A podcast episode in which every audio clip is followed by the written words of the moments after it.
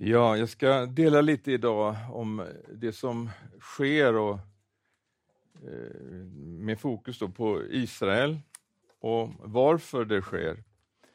Det är ju så här att eh, vi har ju Guds ord och där står det ju väldigt mycket just om Israel. Från allra första början hela vägen så har vi ju faktiskt eh, Guds folk Israel som det stora temat. Eh, jag läste på eh, morgonen nu de här eh, eh, nyhetsrapporterna och ledarskribenterna, i stort sett alla diskuterar Israel. Och eh, Det är ju märkligt egentligen om man ska titta på vilket litet land det här är och, och, och det som... Eh, det borde ju finnas stora andra intressen, men Israel, det kommer i fokus hela tiden. Ehm, det kommer ett ehm, besked från Israels utrikesdepartement där man säger att ehm, man rekommenderar landets medborgare att eh, skjuta upp sina resplaner på grund av den ökande antisemitismen i världen. De uppmanar också israeler att vara försiktiga med att visa upp israeliska och judiska symboler. Och I Tyskland så menar man, där rusar nu antisemitismen eh, och någon säger där att eh, det vi ser nu är väldigt likt det som hände här på 30-talet. Eh, och från Hamas då så hör vi då hoten, man hotar med att upprepa terrorn eh, mot Israel på det sätt som skedde den 7 oktober, om och om igen, tills Israel är förintat. Eh, man eh, talar om brutala mord på israeler som något legitimt. Hamas menar att eh, Israel helt saknar existensberättigande och deras målsättning är alltså att utplåna Israel. Eh, eh, och Det är ju intressant att läsa Bibeln och se vad Herren säger om det här folket och det här landet. Och Vi kan bara ta ett av alla de här hundratals exemplen ifrån Amos, det nionde kapitlet, den fjortonde versen, där det står så här. Eh, jag ska göra slut på mitt folks fångenskap. De ska bygga upp eh, ödelagda städer och få bo i dem. De ska plantera vingårdar och få dricka vinet från dem. De ska anlägga trädgårdar och få äta deras frukt. Jag ska plantera dem i deras eget land. De ska inte mer ryckas upp ur det land som jag gett dem, säger Herren din Gud.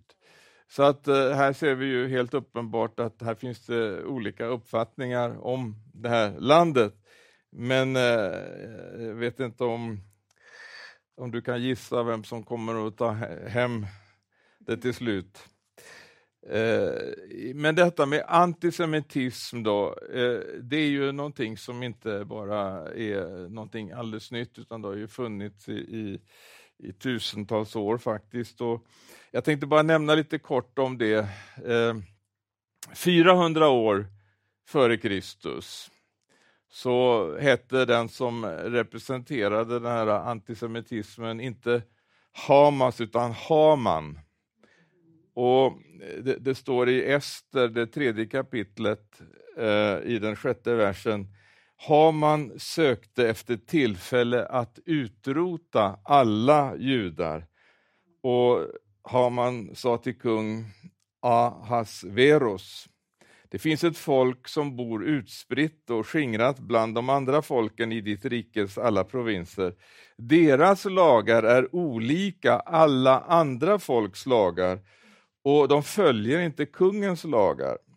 Det är inte värdigt kungen att låta dem hållas. Om kungen samtycker bör en skrivelse utfärdas att de ska förgöras. Och Sen hoppar jag fram lite och det står att kungen tog då av signetringen från sin hand och gav den till agagiten Haman, Hamedatas son. judarnas fiende var hans beteckning. Därefter sa kungen till Haman, med folket kan du göra vad du vill. Och så sändes det brev då med kurirer ut till alla kungens provinser att man skulle utrota, döda och förgöra alla judar, unga, gamla, barn, kvinnor, alla på en och samma gång. Och all deras eh, egendom skulle tas som byte. Sen vet vi, detta då eh, har ju gått vidare med, med detta hat, eh, har ju visat sig på olika sätt. Eh, inte minst efter det som skedde. Vi vet att år 70 efter Kristus så blev ju folket kringspritt genom det som skedde i Jerusalem. Och De har ju då levt i det vi kallar för diasporan, alltså förskingringen, från år 70 efter Kristus ända fram till fyra år innan jag föddes. Så att eh, det, det är alltså en lång tid, va? ett par tusen år. Eh, men eh, vad som hände då efter år 70, så småningom så vet vi att katolicismen blev liksom statsreligion i romerska riket.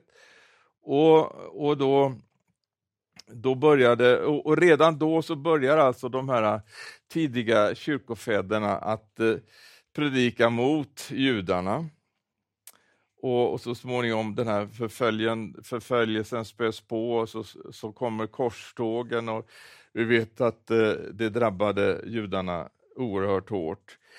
Och sen om vi då går igenom, går snabbt igenom, det här är liksom bara några sådana här penseldrag, va? men vi, vi hoppar snabbt fram till eh, 30-talet, Tyskland, Hitler, så vet vi att sex miljoner judar blir dödade.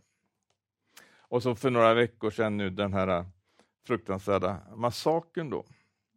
Men vad beror allt det här på att just det här eh, oerhörda hatet liksom eh, riktar sig mot ett speciellt folk på det här sättet. Det, det, det, det är ju väldigt eh, unikt egentligen, det som sker med just det här lilla folket. Eh, var kommer allt hat ifrån? Vad, vad, vad, vad eh, eminerar det ifrån? Och Eh, då är det så här att eh, vi vet att det finns en djävul. Och han hatar allt som Gud har utvalt.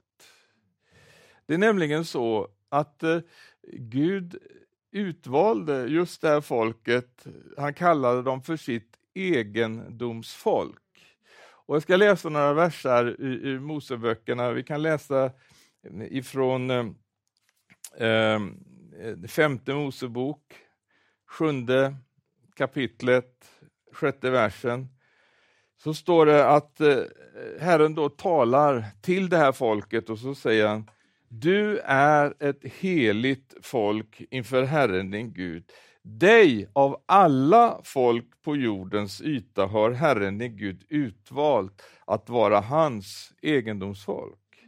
Det var inte för att ni var större än alla andra folk som Herren fäste sig vid er och utvalde er. Ni var tvärtom mindre än alla andra folk.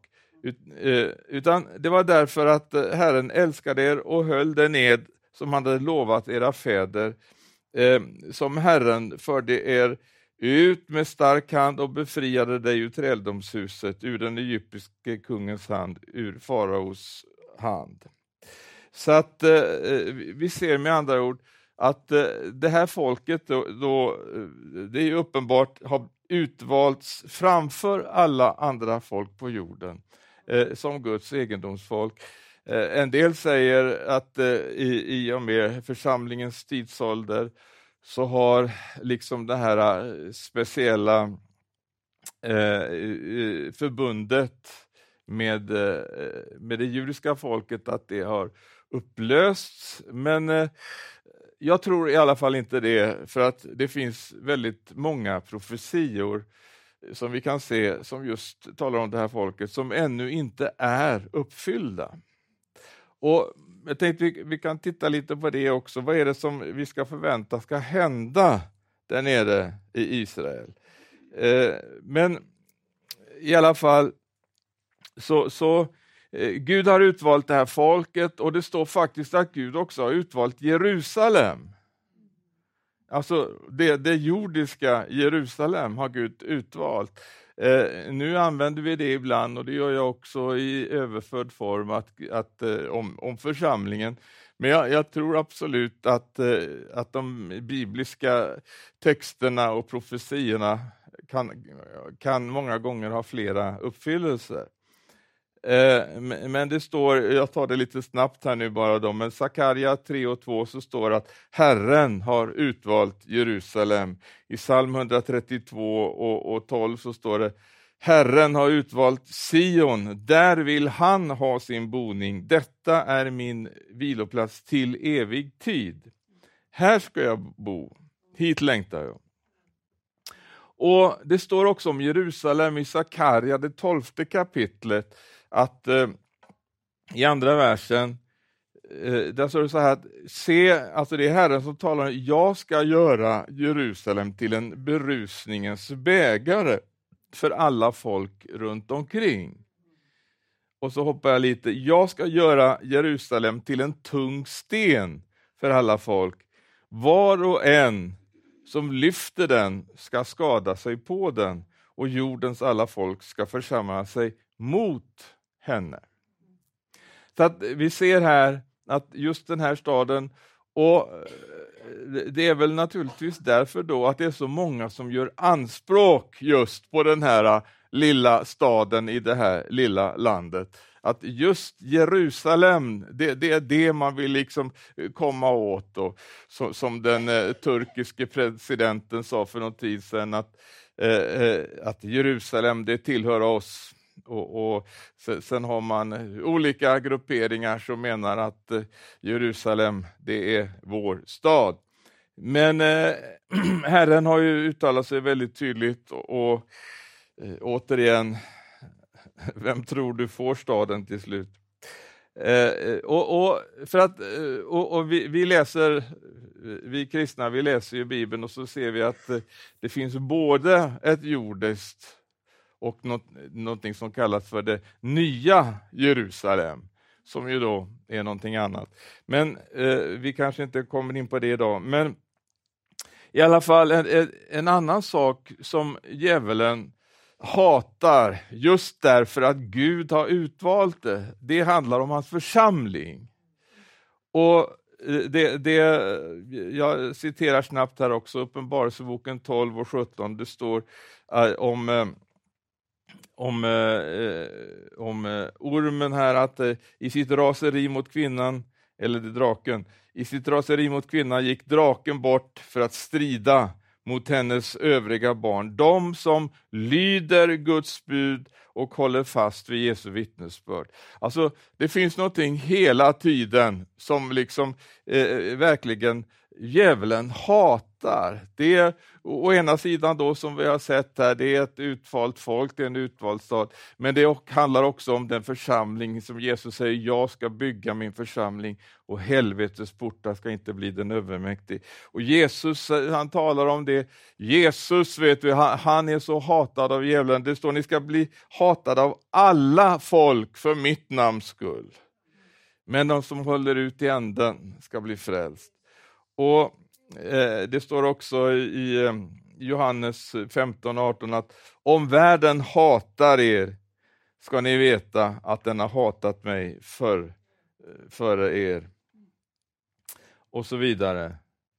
Så att eh, var inte förundrad och förvånad om eh, du liksom upplever att, eh, eh, att du möter det här hatet därför att du är en kristen. Det Jesus säger att det är någonting som ni ska förvänta er att så kommer det att vara. Därför att den här världen, den styrs av denna tidsålders Gud som är djävulen. Och, och, och, han är med så att säga och försöker och, driva sina, eh, eh, sin agenda. Men då står det också, Jesus han talar just eh, Eh, om det här med ändens tid och, och han går igenom allt som ska ske i världen. Och, och så säger han så här i Lukas 21 och 29. Han ger dem eh, som lyssnar en liknelse. Där han talar om fikonträdet. alltså det är en liknelse, han talar inte om fikonträd. Utan eh, det är en liknelse. Han gav dem en liknelse. Se på fikonträdet och alla andra träd.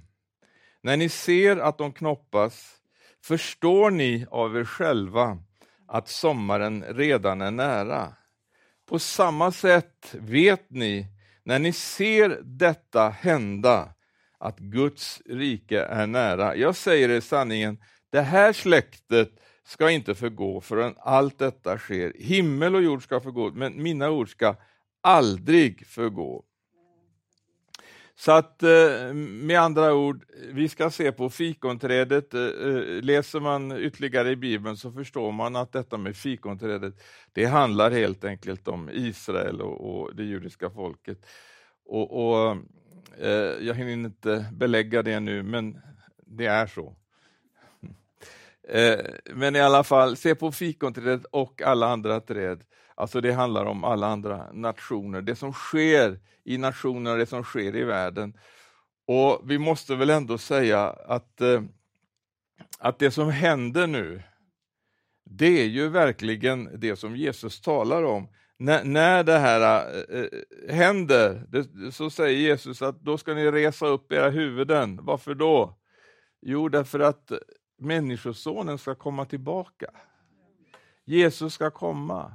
Så att vi lever i den här tiden nu som Jesus talar om här. Jesus ska komma igen. Och, men när det gäller just detta med, med, med det här folket, med det judiska folket, så är det faktiskt ett oerhört vittnesbörd om att Bibeln är sann. Det var en gång, det är tillbaka i början på 1700-talet, så, så var det en eh, preussisk kung som frågade en av sina generaler, han hette Joachim von Sitten, eh, om man kunde nämna ett bevis på att, att Bibeln är sann. Och då får han det här svaret tillbaka, judarna, Ers Majestät.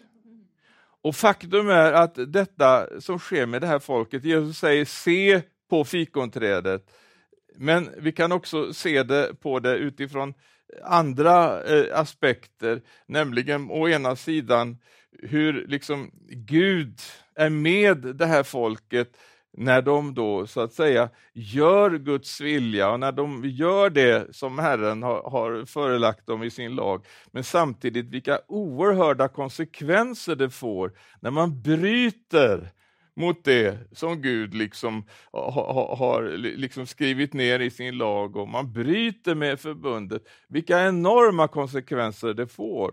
Och det gäller inte bara det folket, utan det är som ett exempel för oss och för hela mänskligheten. Det får konsekvenser. Och, och, Paulus tar ju upp det här också när han säger att eh, allt det här skrevs ju ner för att vara som ett varnande exempel för er. Så att eh, det är viktigt att vi förstår att ta till oss det som Bibeln vill visa och lära oss också när det gäller det här folket. Så att, eh, eh och, och framförallt eh, när man nu ser liksom vad som sker eh, efter ett par tusen år, så helt plötsligt, den 14 maj 1948, så utropas den här nationen Israel i Tel Aviv.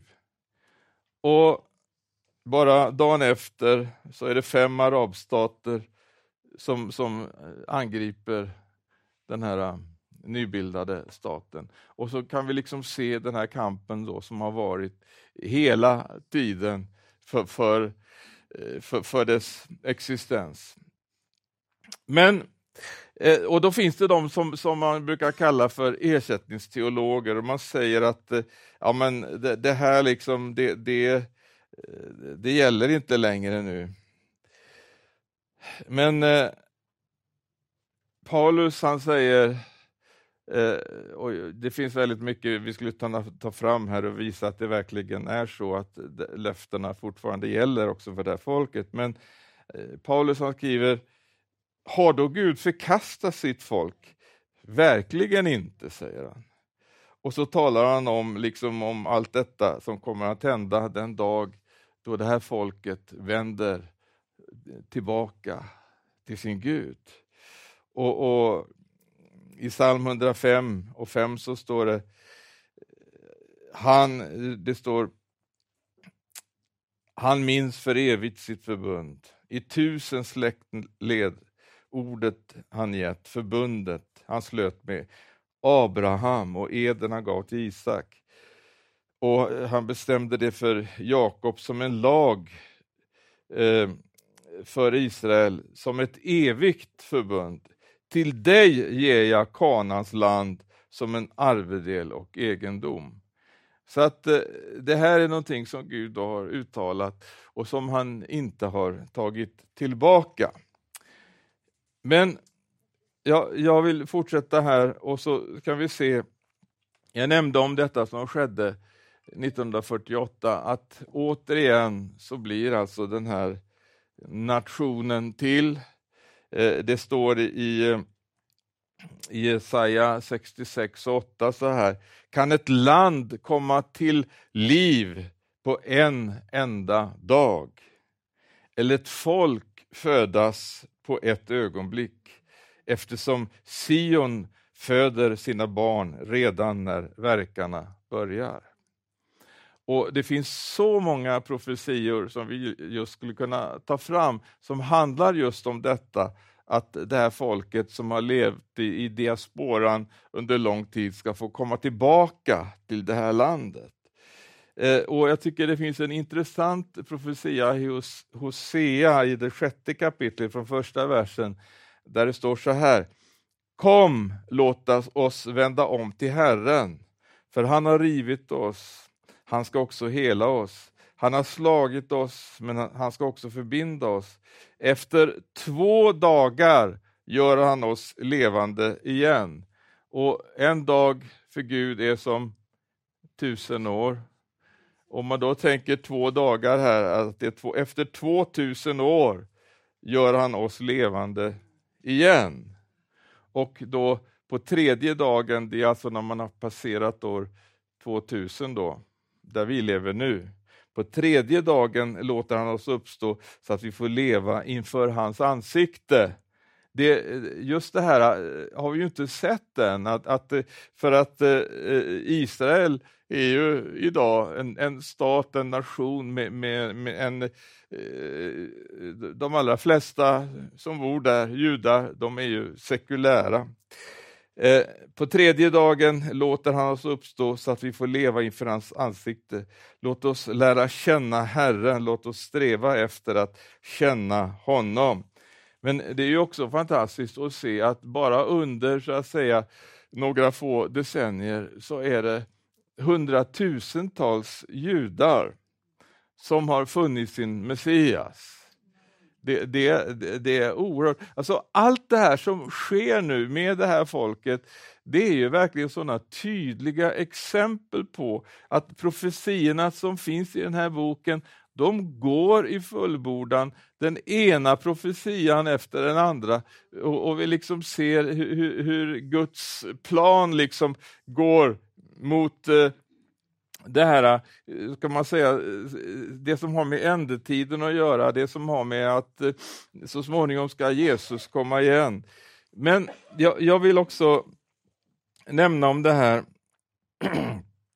som, som eh, eh, för att änglarna, eller ängeln, Gabriel var det väl, som kom till Maria, som skulle föda Jesus Eh, eh, han gav, jag, jag, kan läsa eh, vad, vad ängeln säger här i Lukas, det första kapitlet, 26 versen. Så står det så här, ifrån den eh, 26 versen. Eh, ängeln Gabriel blev sänd av Gud till en jungfru i staden Nasaret i Galileen. Hon var trolovad med en man som hette Josef och som var av Davids släkt och jungfruns namn var Maria. Ängeln kom in till henne och sa Gläd dig, du har fått nåd, Herren är med dig. Men hon blev förskräckt av hans ord och undrade vad denna hälsning kunde betyda. Då sa ängeln till henne, var inte rädd Maria, du har funnit nåd hos Gud, du ska bli havande och föda en son och du ska ge honom namnet Jesus. Han ska bli stor och kallas den högstes son och Herren Gud ska ge honom hans fader Davids tron. Han ska vara kung över Jakobs hus för evigt och hans rike ska aldrig ta slut. Då sa Maria till ängeln, hur ska detta ske? Jag har ju inte haft någon man. Men ängeln svarade henne, den heliga ande ska komma över dig och den högstes kraft ska vila över dig. Därför ska barnet som föds kallas heligt och Guds son. Och eh, Det som då eh, den här eh, ängeln, det budskap som den förmedlade till Maria, det har ju delvis gått i fullbordan, men inte allt det som, som, står, som han säger här. Utan det står att han ska sitta på Davids tron, står det. Han sitter på Guds tron nu. Men Guds tron och Davids tron, det är väl inte samma sak, skulle vi väl kunna tänka. Eh, och Det står att han ska regera över Israel. Och han ska vara kung över Jakobs hus. Alltså Jakobs hus, det handlar om eh, Israels tolv stammar och hans rike kommer aldrig ta slut. Så att det här kan man ju då fundera över, vad är det här som fortfarande återstår? Vad är det som så att säga eh, vi har att förvänta när det gäller just detta med, med, med Messias och det här folket? Vad är det som ska ske? Vad är Davids tron? Ja, det måste ju på något sätt vara, handla om att regera över det här folket. Det, det, det eh, David, han, han var, var, ju kung i Israel. Och eh, det står i, i inledningen till, till eh, Matteus, i det första kapitlet, där vi liksom har den här släkttavlan, eh, där, där, står det så här att detta är berättelsen om Jesus Kristus, Davids son, Abrahams son. Och Det här var speciellt viktigt, inte minst just för Matteus evangelium som, som ju riktar sig kanske till stora delar till, till det judiska folket. Eh, det handlar alltså om förbund som Gud har upprättat redan med Abraham, men som han sedan har förnyat genom historien och, och inte minst då med, med löftena till David att eh, han, det ska komma en eh, Eh, eh, en son, en Davids son. Eh, vi vet att Salomo var Davids son och han regerade, men det var inte ett evigt rike, utan det, det är någonting ytterligare som väntar på den linjen. Eh, så att han ska sitta på Davids tron, säger Gabriel. Han ska regera över Israel, vara kung över Jakobs hus och, och hans rike kommer inte ta slut. Så att vi kan fundera på det här och, och det, det, är en del som har väldigt klara och tydliga eh, tankar om hur allt det här ska gå till. Jag hör inte till den kategorin, men eh, jag, jag funderar över det här, för det är ändå någonting som återstår när det här folket kommer att se och känna igen sin Messias, när de kommer att känna igen Jesus och vad som ska ske, vilken upprättelse som det kommer då att innebära för det här folket. Ehm, och jag kan ta fram några bibel, eh, några profetier som, som just handlar om det här då som, som, som eh, Gabriel hänvisar till.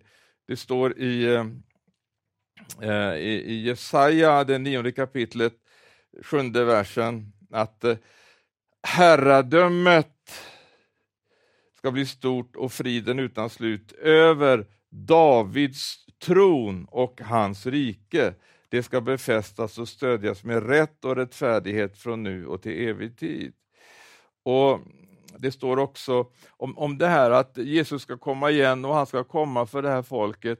Eh, och Det står faktiskt i Sakarja 14.1 att se Herrens dag kommer, jag hoppar fram lite grann, sedan ska Herren gå ut i strid mot dessa hedna folk, alltså de som då kommer för att liksom kriga mot Israel, som, som, som är där för att eh, man vill stjäla Jerusalem. Eh, på den dagen ska han stå med sina fötter på Olivberget.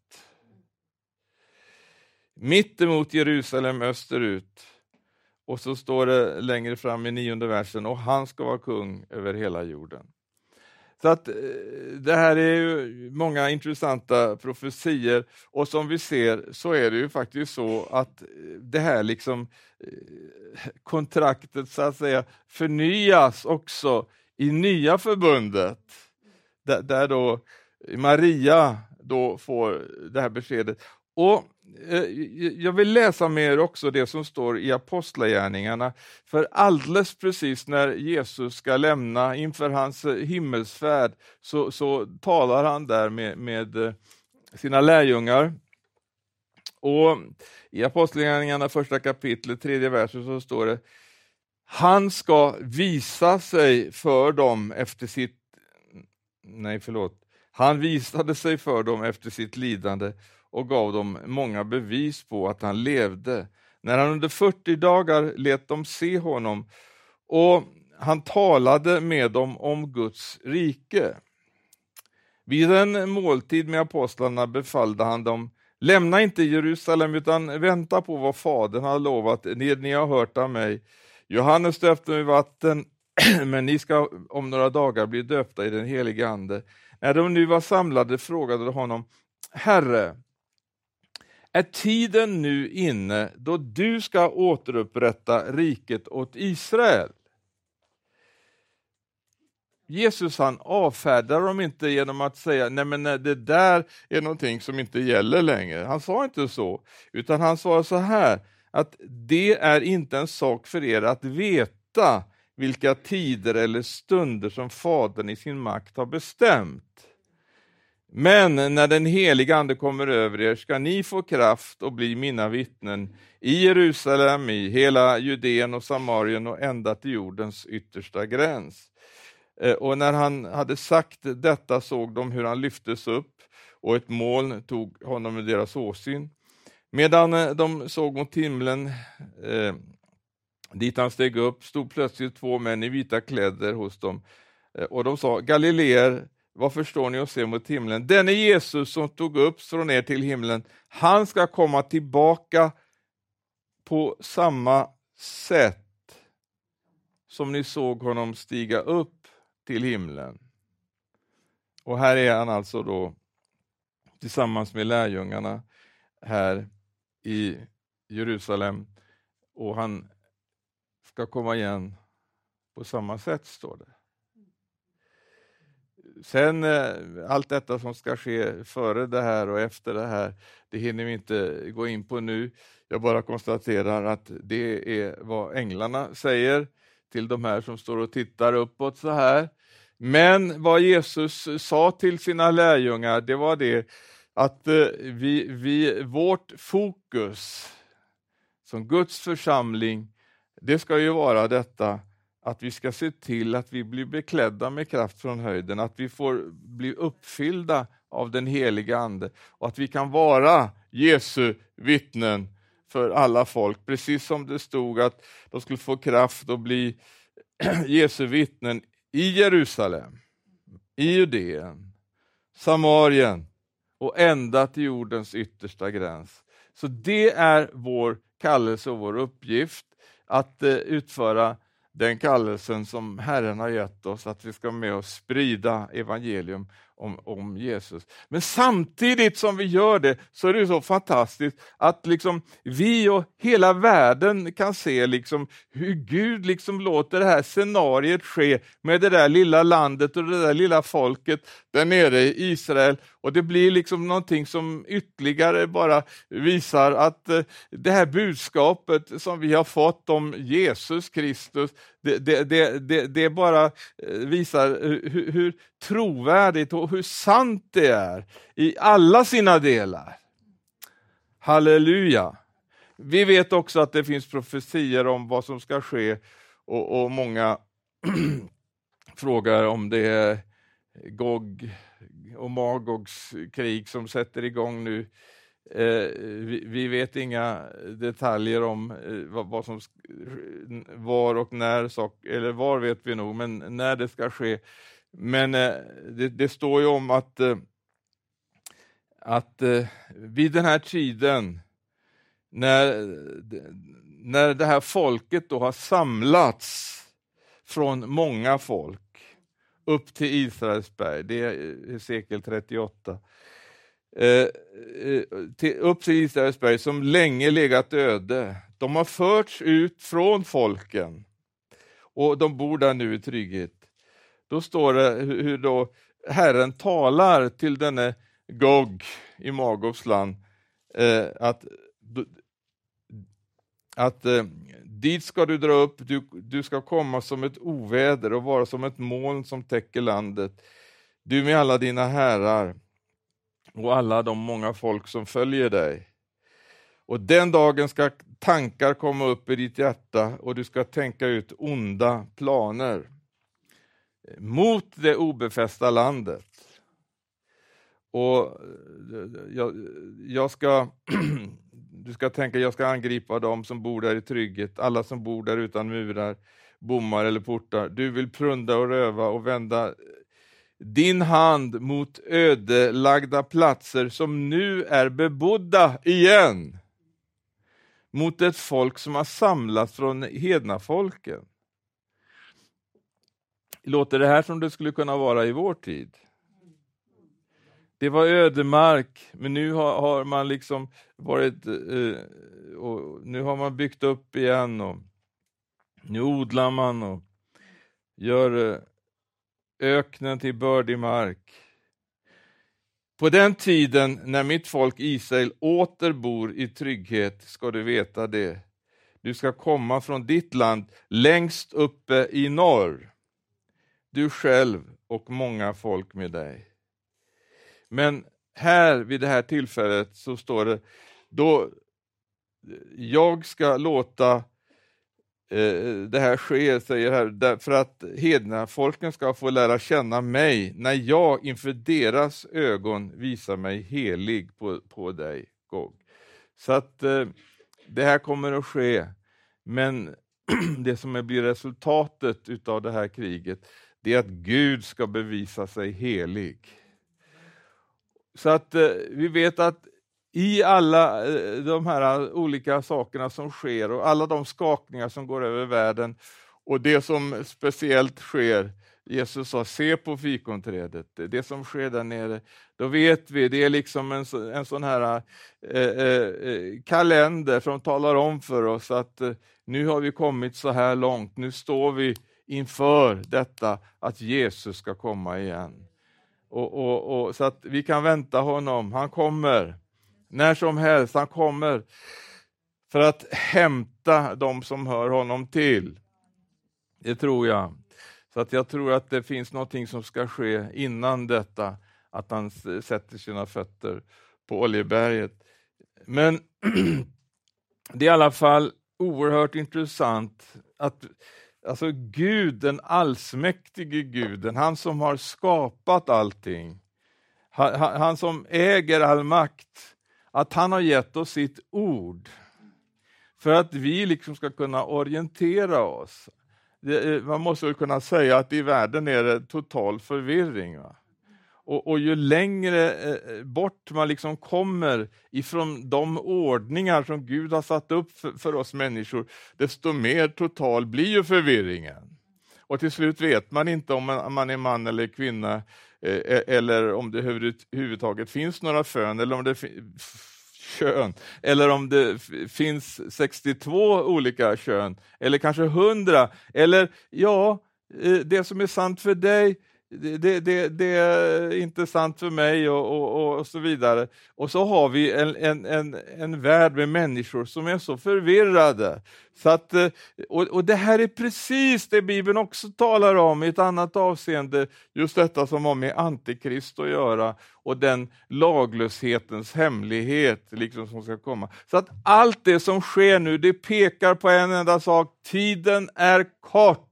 Jesus kommer snart, så låt oss verkligen se till att vi är redo att möta honom, att vi verkligen står där beredda den dagen han kommer. Eh, tänk på det, Le, lev det livet. Att du inte liksom eh, hamnar i något sällskap eller i, i någon situation som du känner att jag skulle inte vilja eh, vara i den här situationen när Jesus kommer. Utan lev ett liv så att du kan vänta honom ständigt, dygnet runt. Att du kan ha det här ropet i ditt hjärta. Kom Herre Jesus. Vi väntar honom tillbaka. Halleluja, amen.